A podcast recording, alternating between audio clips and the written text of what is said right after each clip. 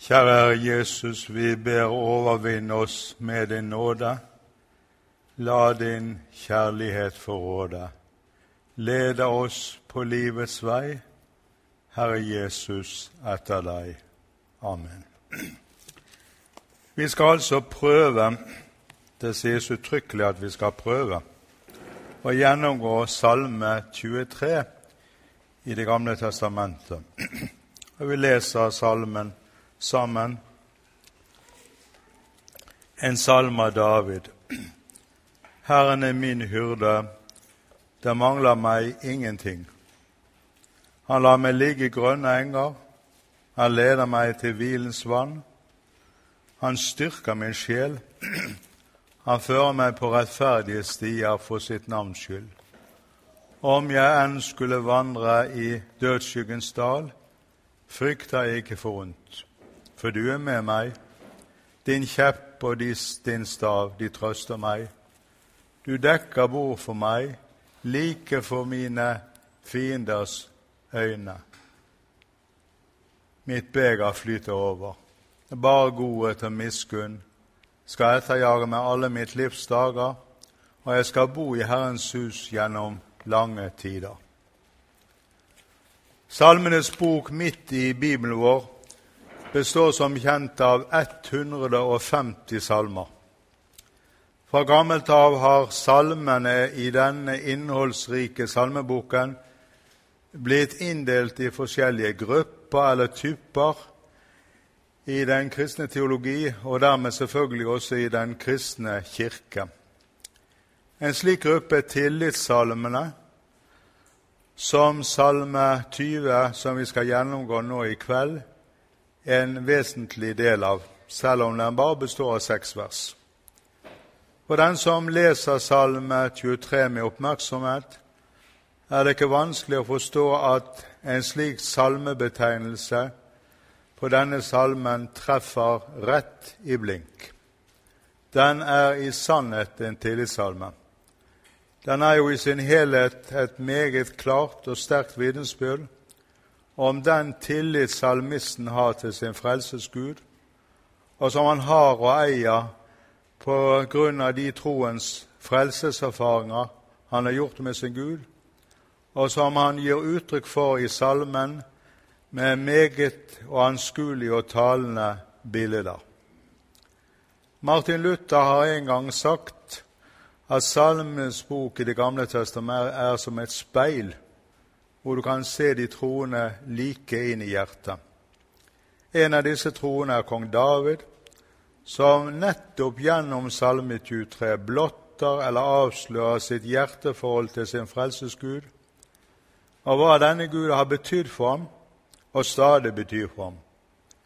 Og siden nå det troende mennesket til alle tider og på alle steder dypest sett er det samme mennesket, på tross av mange og store menneskelige forskjeller, vil et slikt menneske ha rikt utbytte for sitt trosliv og kjenne seg åndelig hjemme i Salme 23 ved å lese den igjennom, reflektere over det en leser, grunne på det, og ikke minst be om Den hellige ånds hjelp og opplysning over teksten. Siden nå Salme 23 ikke er en alminnelig salme, men er en del av Guds inspirerte ord ved Den hellige ånd, så er også denne salmen et skaperord som skaper hva det nevner. Det er jo noe av det mest, mest karakteristiske ved hele Bibelen, at det i sannhet er et skaperord som skaper hva det nevner. Det vil si, eh, denne salmen ikke bare taler om troens tillit til Bibelen og Hans ord og løfte, men det gir og planter inn i et menneskes hjerteliv ved Den hellige ånd den samme tillit til Gud hos alle dem som leser og hører salmen, har grunner på den og tar sin tilflukt til den. Det å komme i nærheten av Salme 23, det å komme i nærheten av det ord som er et skaperord. Det er jo denne bibelske sannhet om Guds ord og ordets store og grunnleggende virkninger på dem som leser og hører det, apostelen Paulus skriver om i Romerbrevet i dets 14. kapittel. Alt som før er skrevet, dvs. Si Det gamle testamentet, det er skrevet til lærdom for oss, for at vi skal ha håp ved det tålmod og den trøst som Skriftene gir. Altså Den hellige ånd ikke bare taler om det bibelske håp, om Bibels tålmod og Bibels trøst, men gir også alt dette til det mennesket som tar sin tilflukt til ordet, ved å la dets innhold ha personlig adresse til den som leser det. Det gjelder også i sannhet tillit om frelsens Gud, som David vinner om i Salme 23. Gjennom denne salmen formidles altså tillit til Gud. Hvis du gjerne vil ha tillit frelsens Gud, sånn som du lærer å kjenne han i hele den bibelske åpenbaring, så er det et godt råd at du leser og studerer og grunner på salmistens ord. Det gjelder jo for øvrig hele salmeorden. Derfor er det så løfterikt og livsviktig hvis vi i sannhet vil ha med Gud å gjøre, å lese og høre Guds ord og grunne på det. Hvis jeg som en forholdsvis eldre kristen skulle gi noen råd til en ung kristen angående lesning og bruk av Bibelen, så var det særlig to råd jeg ville gi. Jeg tillater meg å tenke at de er svært viktige og gode. For det første, les Bibelen langsomt, for da taler den til deg. Gjør det til en regel. For det andre, vær særlig oppmerksom på de små ordene i Bibelen, både i Det gamle og Det nye testamentet. Disse ordene har vi meget lett for å overse eller haste forbi i vår bibellesning. Og da går vi glipp av en stor velsignelse i evangeliet som Gud har lagt ned i disse småordene. De kan vel ikke bety så mye. Det betyr svært mye. De åpner til og med Bibelen for oss og Guds frelsesåpenbaring. Du og jeg finner ikke minst mange av disse velsignede småordene i Salmenes bok, f.eks. nettopp her i Salme 23. Noen av de hyppigste forekommende av disse småordene kaller vi i grammatikken for eiendomspronomen, altså et småord som indikerer et eiendomsforhold. Allerede i begynnelsen av Salme 23 finner vi et slikt lite, men meget betydningsfullt små, og det er et personlig pronomen. Salmisten vitner alle i sin åpning av salmen slik Herren er min hyrde. Merk deg den uttalelsen med en gang. Dvel på den, grunn på den. Han vitner altså ikke bare og sier 'Herren er min hyrde'. Det hadde vært full dekning for et slikt vitnesbyrd om frelsens Gud. For Herren er i sannhet en hyrde for sitt folk Israel. Det har vi nok å bevise på fra Det gamle testamentet. Men David føyer altså til 'Herren er min hyrde'. Og, Det betyr, som vi mer utførlig skal komme tilbake til, at Herren tilhører David, og David tilhører Herren.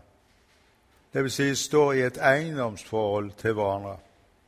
Vil si har knyttet en pakt med hverandre med alt hva det innebærer av frelse, barmhjertighet, godhet og trofasthet fra Herren til David, som er et av hans sauer eller et av hans får, som hører til hans jord. Og Da skjønner vi at det er en stor forskjell på å si 'Herren er en hyrde' og si 'Herren er min hyrde'. Hvordan kan David komme med et slikt stort vitnesbyrd om Herren som gjelder ham selv? Hvordan tør han, han som er et syndig menneske, tale om sin Gud med så sterke ord? Herren er min hyrde. Fordi David troen tilhører det folket som Gud Herren har sluttet en pakt med, og dermed hele folket. Og Gud Herren har flere ganger i Det gamle testamentet med særdeles klare ord sagt 'Jeg er Herren din Gud', som førte deg ut av Egyptens land og trellusa. Han sier ikke bare 'Jeg er Herren Gud', men han sier uttrykkelig 'Jeg er Herren din Gud'. Med dette lille eiendomspronomen, din, i den aktuelle tekst, forkynner Herren for folket jeg er den Gud som er din Gud, og som har gitt meg til deg, med alt hva det innebærer av frelse og velsignelse i tid og evighet. Jeg er ikke bare en hvilken som helst Gud, men jeg er din, din, din, din Gud. Med det sier Gud til sitt folk, du er kommet inn i et nådens paktsforhold til meg ved troen. Det er betegnende, svært betegnende for apostelen Paulus at han flere ganger omtaler sin Gud på samme måten, bl.a. i Filipperbrevet. Der står dette skjønne ordet i slutten av kapittel 4, vers 19. Min Gud skal efter din, sin rikdom fylle allers trang i herlighet i Kristus Jesus. Legg merke til enda en gang, jeg må få gjenta det. Han sier ikke Gud skal etter sin rikdom fylle allers trang i herlighet til Kristus Jesus, men han sier min, min, min Gud skal gjøre det. Hvordan kan apostelen Paulus være så sikker på det og vite at frelsens åpenbaringsgud virkelig er min Gud? For i dåpen til den treende Gud og ved troen på Jesus Guds sønn og verdens frelse er han kommet inn i et frelsens paktsforhold med denne Gud ved Jesus Kristus, som med sitt blod, som ble utgitt på Golgata for syndere, har stiftet en nådepakt for syndere, og som de kommer inn i ved troen, og som de nettopp av den grunn kan si Min Gud, du er min frelses Gud. Og dette gjelder like meget deg og meg, du som sitter der, og nå jeg som står på, på talerstolen, som er døpt med kristen dåp har kommet til tro på Jesus ved evangeliet.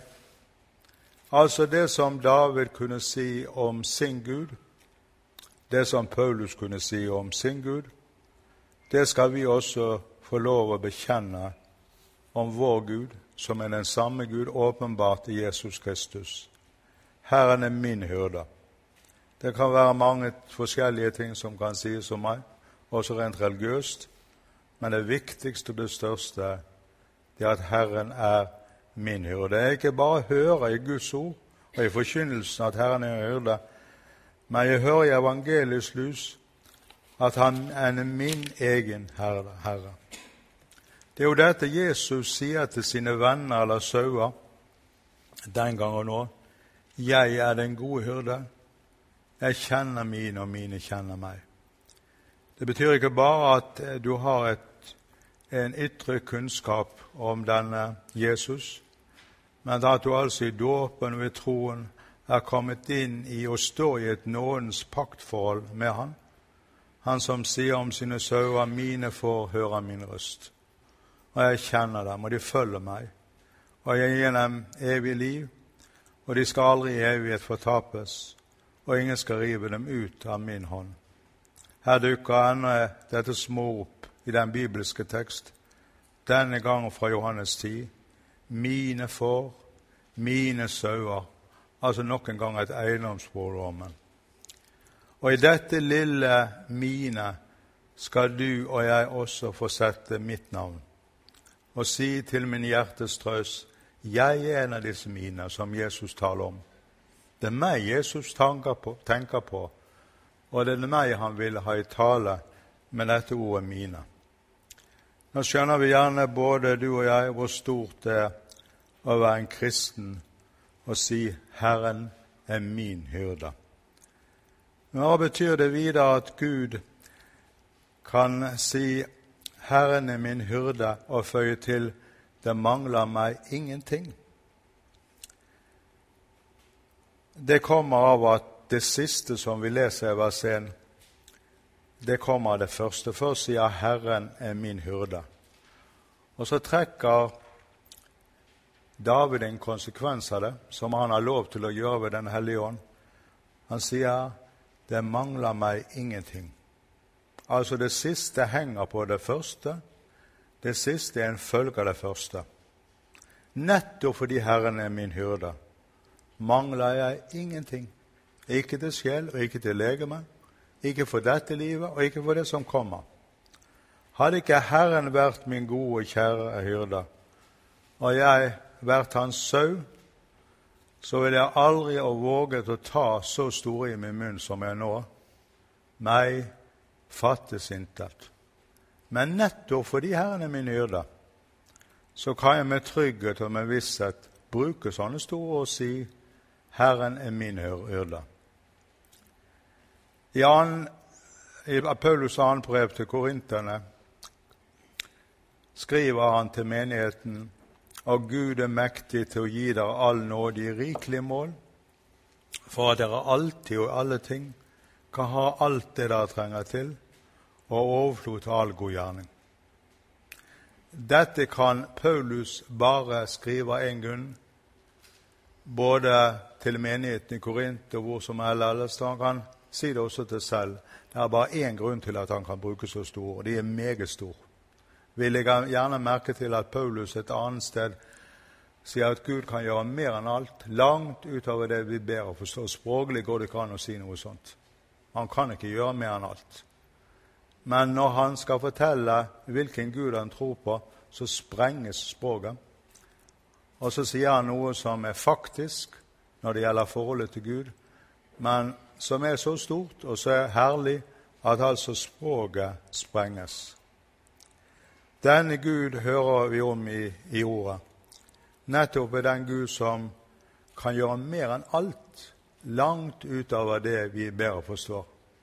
Og andre steder sier han skulle noe være umulig for meg. Og Dette er den Gud som er uten svik i hele sitt vesen, og dermed i alle sine løfter og i all sin gjerning. Han er helt og fullt usvikelig i sitt ord, i sitt vesen. Det er bare understreker at denne Gud som kan gjøre mer enn alt, om Han kan det i sannhet sier jeg mangler ingenting når jeg bare får tro på Han, følger Han og hører Han til som hans lille sau eller hans lille får. Alle som er blitt fortrolig med Bibelens innhold, vet at Gud i denne boken har mer enn ett navn. Det gjelder også om Hans Sønn Jesus Kristus. Disse navnene er mer enn navn i vår vanlige betydning og bruk av ordet. Når jeg får sier jeg heter Henry Skogvold, så er det for så vidt greit, men navnet sier ikke så mye, med mindre man kjenner meg.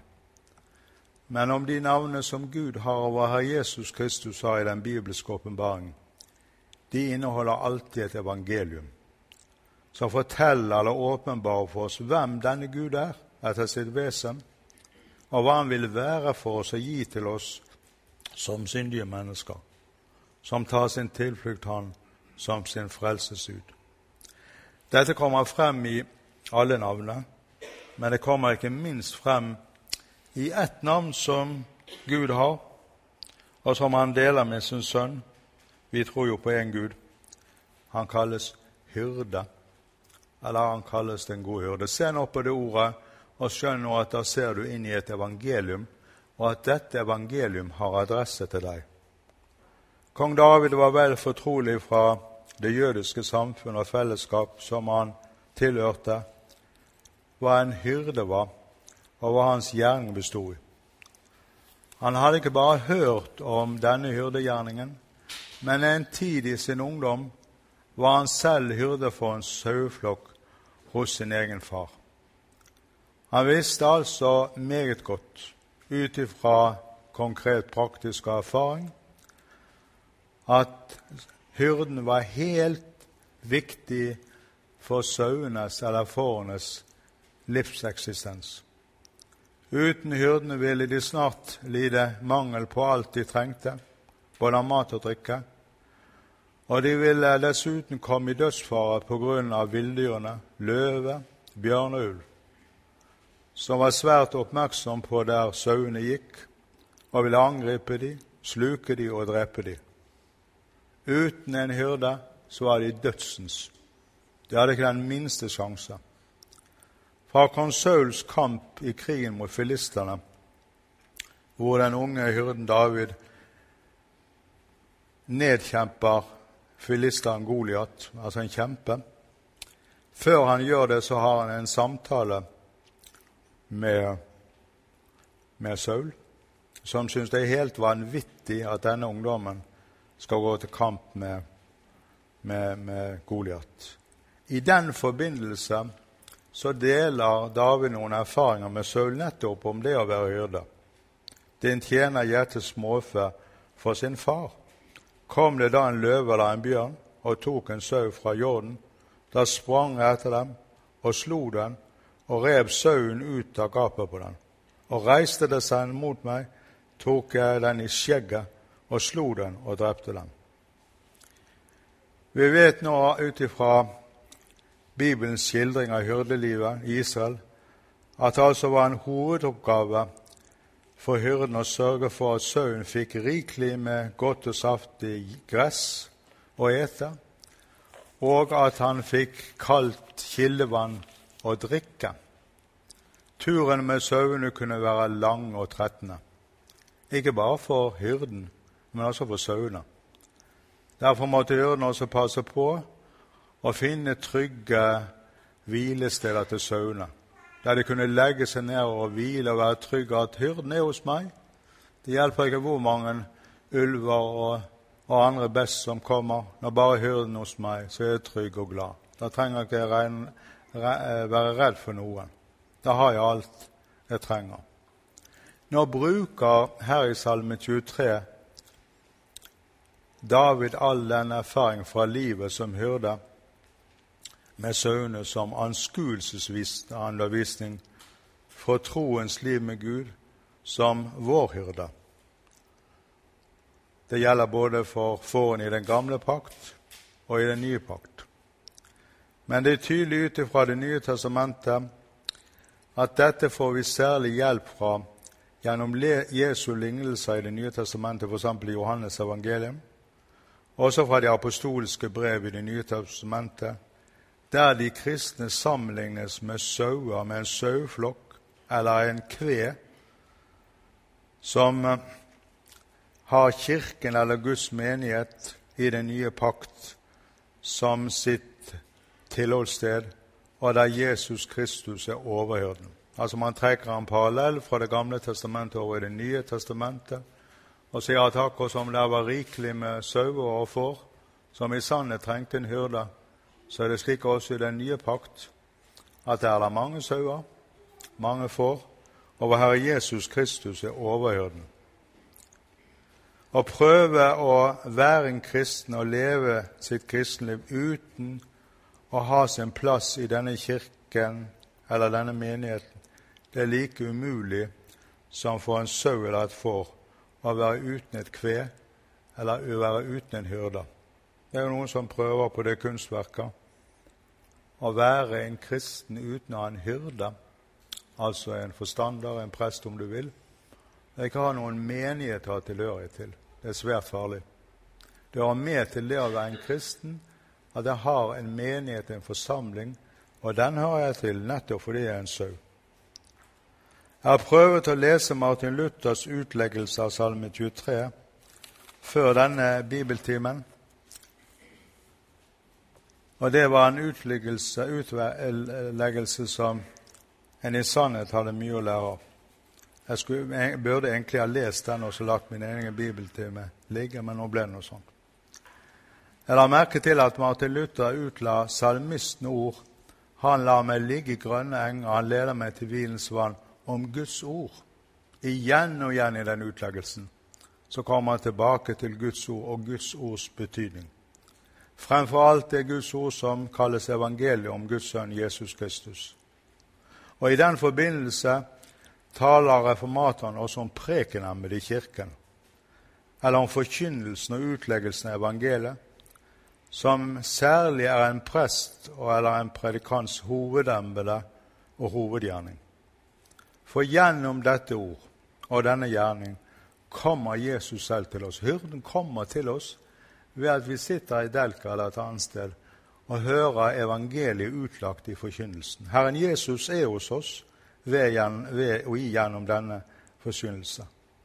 Og gir vår sjel og vårt gudsliv næring slik at vi blir bevart i den frelsende troen på Jesus og vokser troens vekst. Det ble også for øvrig sterkt understreket og klart av reformatoren at dette gjelder også de hellige sakramenter, altså dåpen og alvann, som er det synlige Guds ord. Akkurat som en sau altså ikke kan unnvære en dag med mat og drikke, så han får, han får så rikelig av hyrden gjennom det saftige gresset og den kalde og gode drikken. Like lite kan en kristen som en Herrens sau unnvære det daglige mat og drikke som han får av Herren gjennom ordets forkynnelse, gjennom lesningen av evangeliet og gjennom de hellige sakramenter David, som David vitner om. Han sier i den forbindelse, eller han nevner i den forbindelse hvilens vann. Altså det vann eller den drikke som gir meg hvile. Det skjer nettopp gjennom evangeliets ord, som frelser meg fra å drikke av mine egne sprukne brønner, som ikke holder vann, og leder meg til det levende vannet, som er ord om Jesus og ordet fra Jesus. Er alle trøstende synder. Vi nevner bare ett ord i den forbindelse. Kom til meg, alle dere som strever og har tungt å bære, og jeg vil gi dere hvile. Hvordan gir oss oss hvile? Ved å høre ord om Jesus og fra Jesus. Det han har gjort for oss, det han er for oss som den gode hyrde. Men gjennom Guds ord, og dermed også gjennom prekenemmene, lar, lar Gud også oss bli voktet av den gode hyrde som sine får, med sin kjepp og sin stav. Altså Ordet har ikke bare den funksjonen eller den oppgave å gi oss mat, den hovedoppgaven. Men ordet har også den oppgave å vokte fårene med sin kjepp og stav. Med staven rettleder hyrdene fårene sine, slik at de ikke forviller seg bort fra ham og kveen som de tilhører. Jeg har lagt merke til når jeg er på landet, at særlig de små sauene de hopper og spretter over alle mulige steder. De kan snart komme bort fra hyrden. Henrik Skorold er også en sånn liten sau av og til som hopper og spretter Derfor er det så viktig at, at Jesus, den gode hyrde, har et takk i han. Altså med denne staven som han bruker gjennom forkynnelsen, så veileder han sine kristne. Gjennom formaningens ord i den apostoliske forkynnelse. Men så har han kjeppen. Den bruker han til å slå med ned på alle vanglere som har sneket seg inn i kirken, for som Herren sier, de kommer bare som tyver for å stjele og myrde og ødelegge. Det må vi bare være oppmerksom på at utenfor kjeen, utenfor, og utenfor den sanne kristenhet, utenfor den sanne kirke og menighet, altså utenfor kvelen, for å si det nok en gang, er det mange tyver. Og de kommer for å stjele myrde og ødelegge, og gjør seg ut for å komme fra hyrden, men de kommer bare for å ødelegge. Det betyr at vi må høre etter de hyrder og de lærere som har Bibels forkynnelse, og vranglæren, og formane Herrens sauer holde seg borte fra alt den slags og holde seg til Herren alene gjennom evangeliets sunne og sanne forkynnelse og veiledning. Vær klart over at også i vår tid er det mange sånne folk. Desto viktigere er det at vi går og hører forkynnelse som stemmer med Guds ord, og som er til velbehag for Herren. Så kommer Herren med et nytt og rikt vitnesbyrd om den Herre som er hans gode, omsorgsfulle hyrde. Han sier om han i fortsettelsen han styrker min sjel. Han fører meg på rettferdige stier for sitt navns skyld. I en tidligere bibeloversettelse fra 1930 har begynnelsen av dette bibelset, altså vers 3, fått en annen oversettelse enn den nåværende. I 1930-oversettelsen står det 'Han vederkveger min sjel'. Jeg har prøvd å sjekke hva det står i en engelsk god bibelutgave og en tysk. The New King James Version. Der står det 'He restores my soul', som på norsk kan oversettes med 'Han gjeninnsetter eller gjenoppliver min sjel. I Martin Luthers tyske oversettelse lyder vers 3 slik er erkvikket meine Seele. Det tyske verbet som er brukt her, er altså erkvikken, som på norsk betyr å kvikke opp, styrke, opplive, forfriske. Rett før jeg gikk her og skulle prøve å holde en bibeltime, så ringte jeg til gresklæreren min, som er en begavet mann. Og han kunne heldigvis bekrefte at uh, både den tyske og den engelske uh, oversettelsen var veldig langt opp til grunnteksten.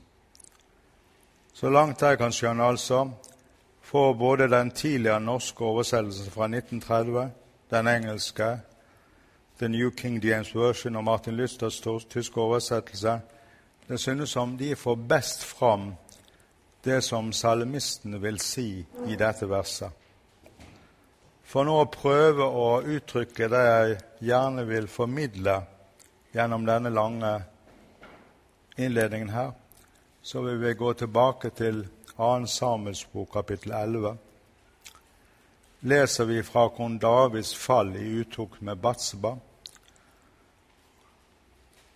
som han innledet et forhold til med eh, en som var hustru, altså Batseba, til en av Davids fremste krigsmenn, Uria.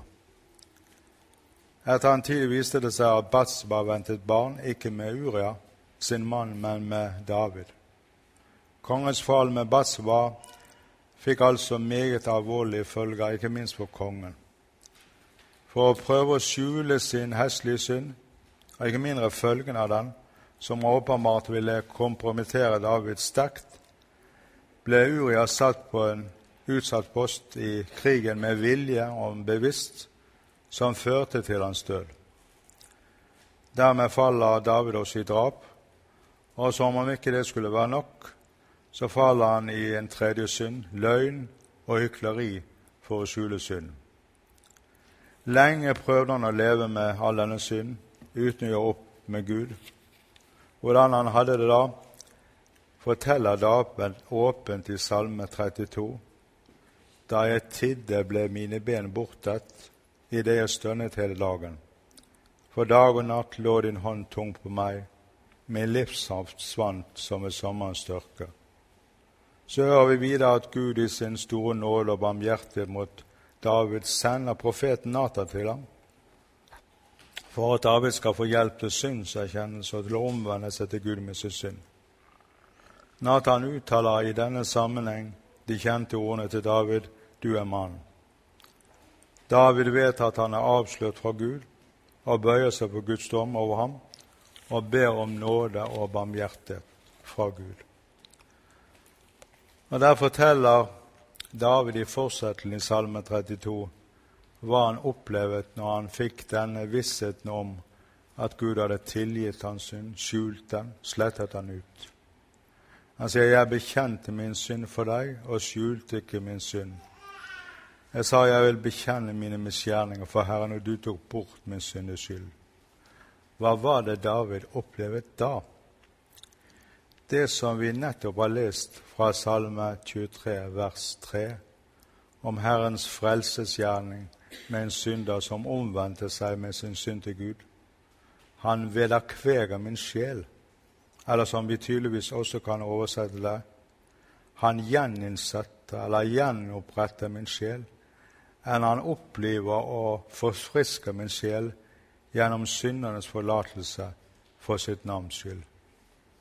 Har en selv erfaring av at en i en tid har levet med uoppgjort synd?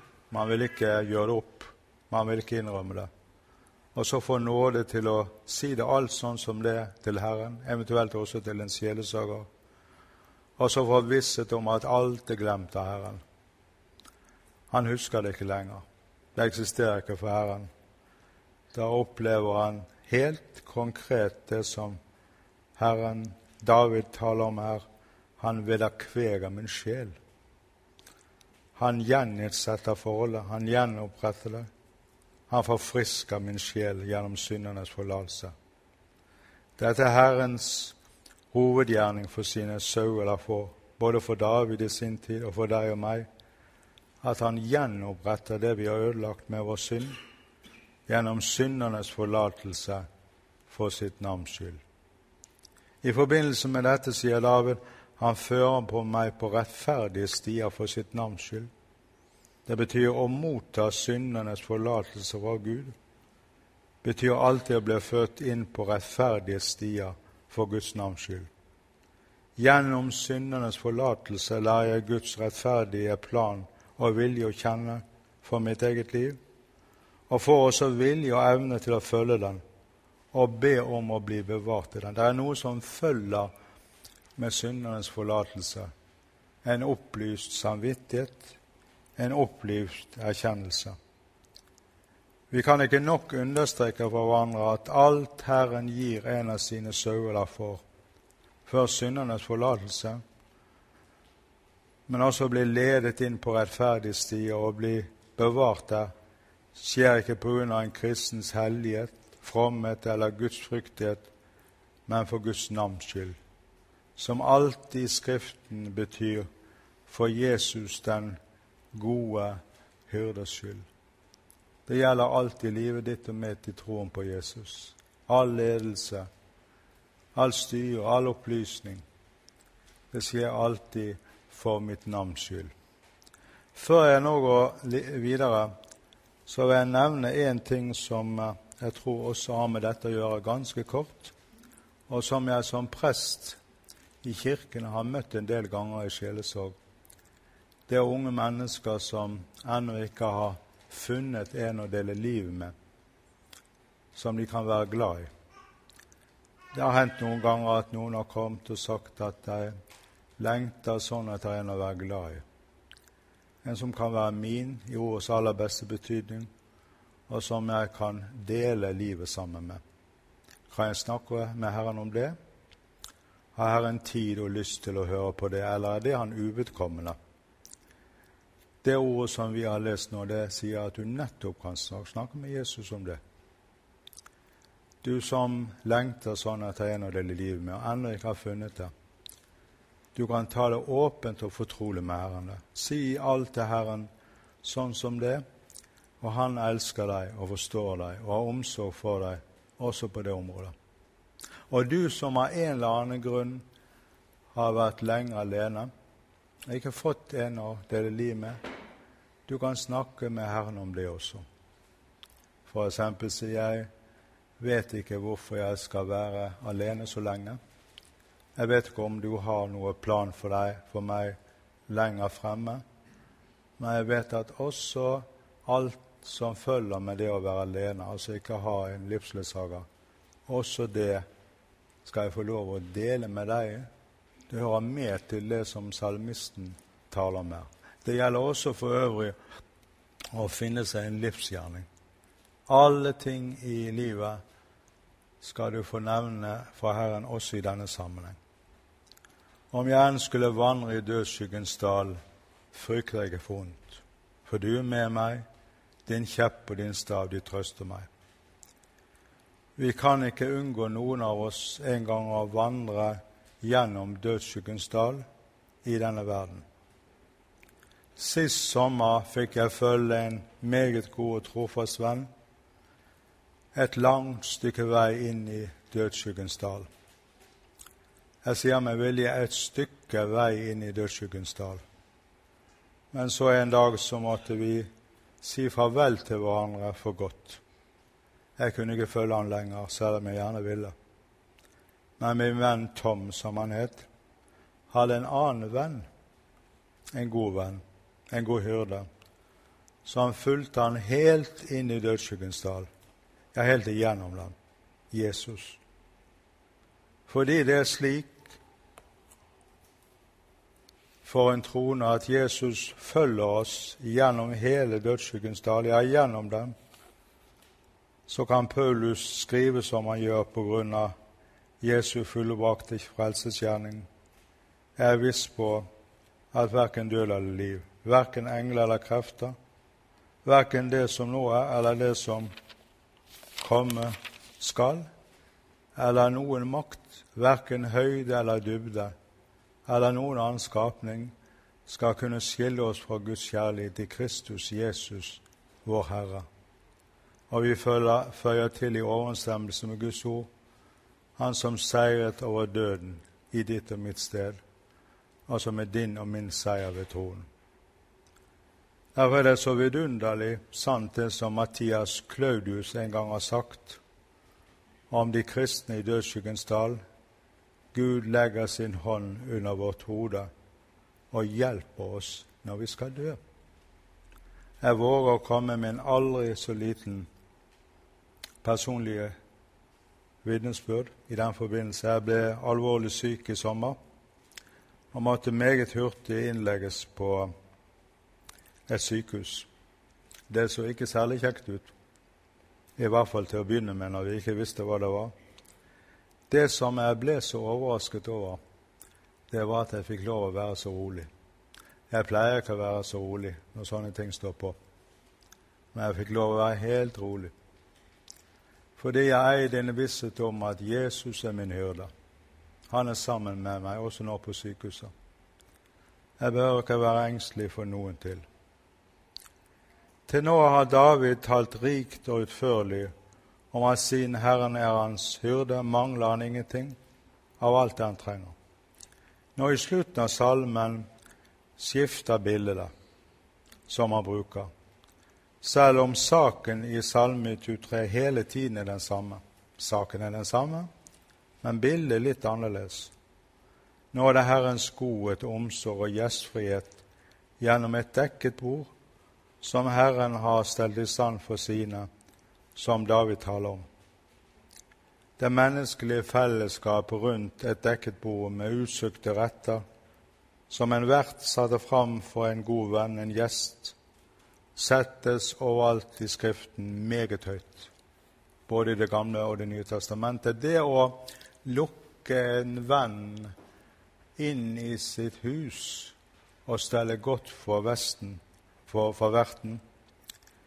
Det betyr at man lukket inn, lukkes inn i det inderligste vennskap og den dypeste fortrolighet mellom to mennesker. Slik som vi bl.a. leser om det fra måltidet Jesus hadde med sine disipler rett før sin død, der han tjente dem ved å vaske deres føtter, som peker fram om forsoningen på korset for fortapte syndere. Kanskje har ikke vi den samme dype forståelsen og erfaringen av å, å invitere en gjest eller en venn til vårt hus. Noen ganger har vi det, men ikke alltid.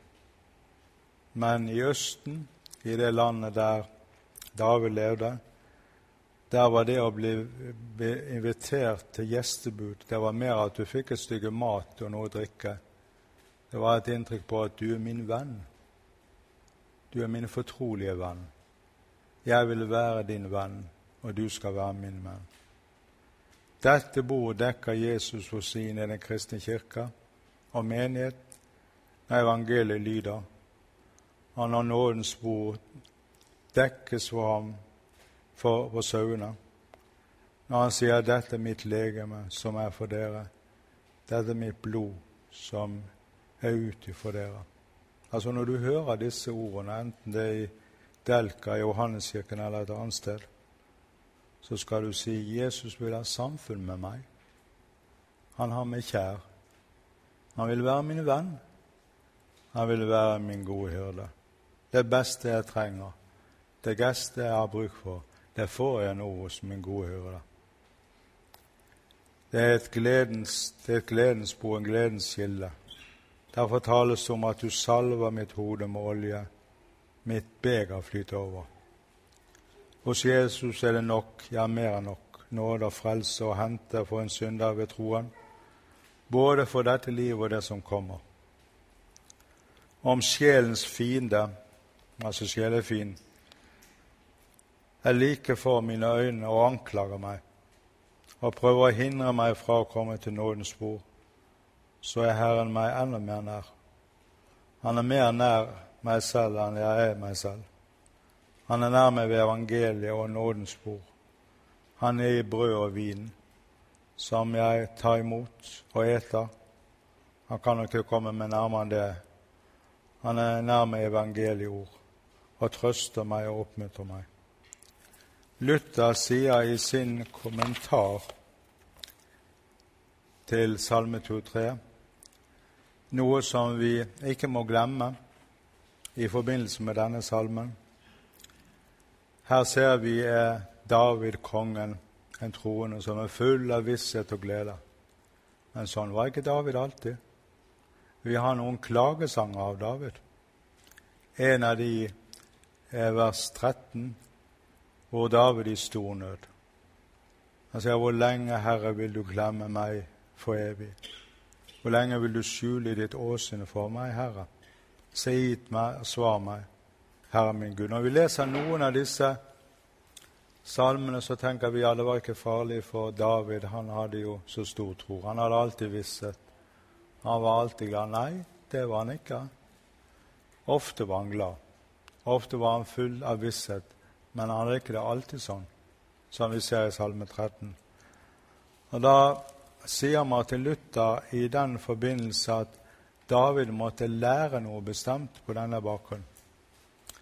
Han måtte lære det som er så karakteristisk, ifølge Luther, for de sauene eller de fårene vi hører om i Bibelen, at de er mer opptatt av det de hører, enn av det de ser. De ser f.eks. at ulven eller bjørnen eller løven kommer og brøler og skriker noe aldeles høyt med en åpen kjeft. Og sauen eller eller, eller lam eller hva det er, de blir livende redd og holder på helt til å få gå.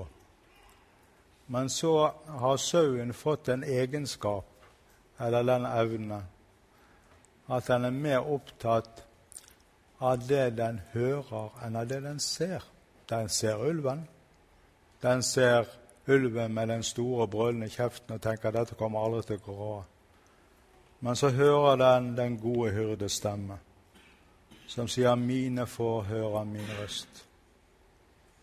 Ingen skal rive dem ut av min hånd. Eller det sier 'frykt ikke, for jeg er med deg'. Se deg ikke engstelig om, for jeg er din Gud. Jeg styrker deg og hjelper deg og holder deg oppe med min rettferdshøyrehånd. Og så legger sauen eller fåret sitt øre inntil hyrdens røst, og så fornyer eller forfrisker Herren sauen gjennom sin røst, sånn at han reddes fra den fryktelige fienden som raser mot ham.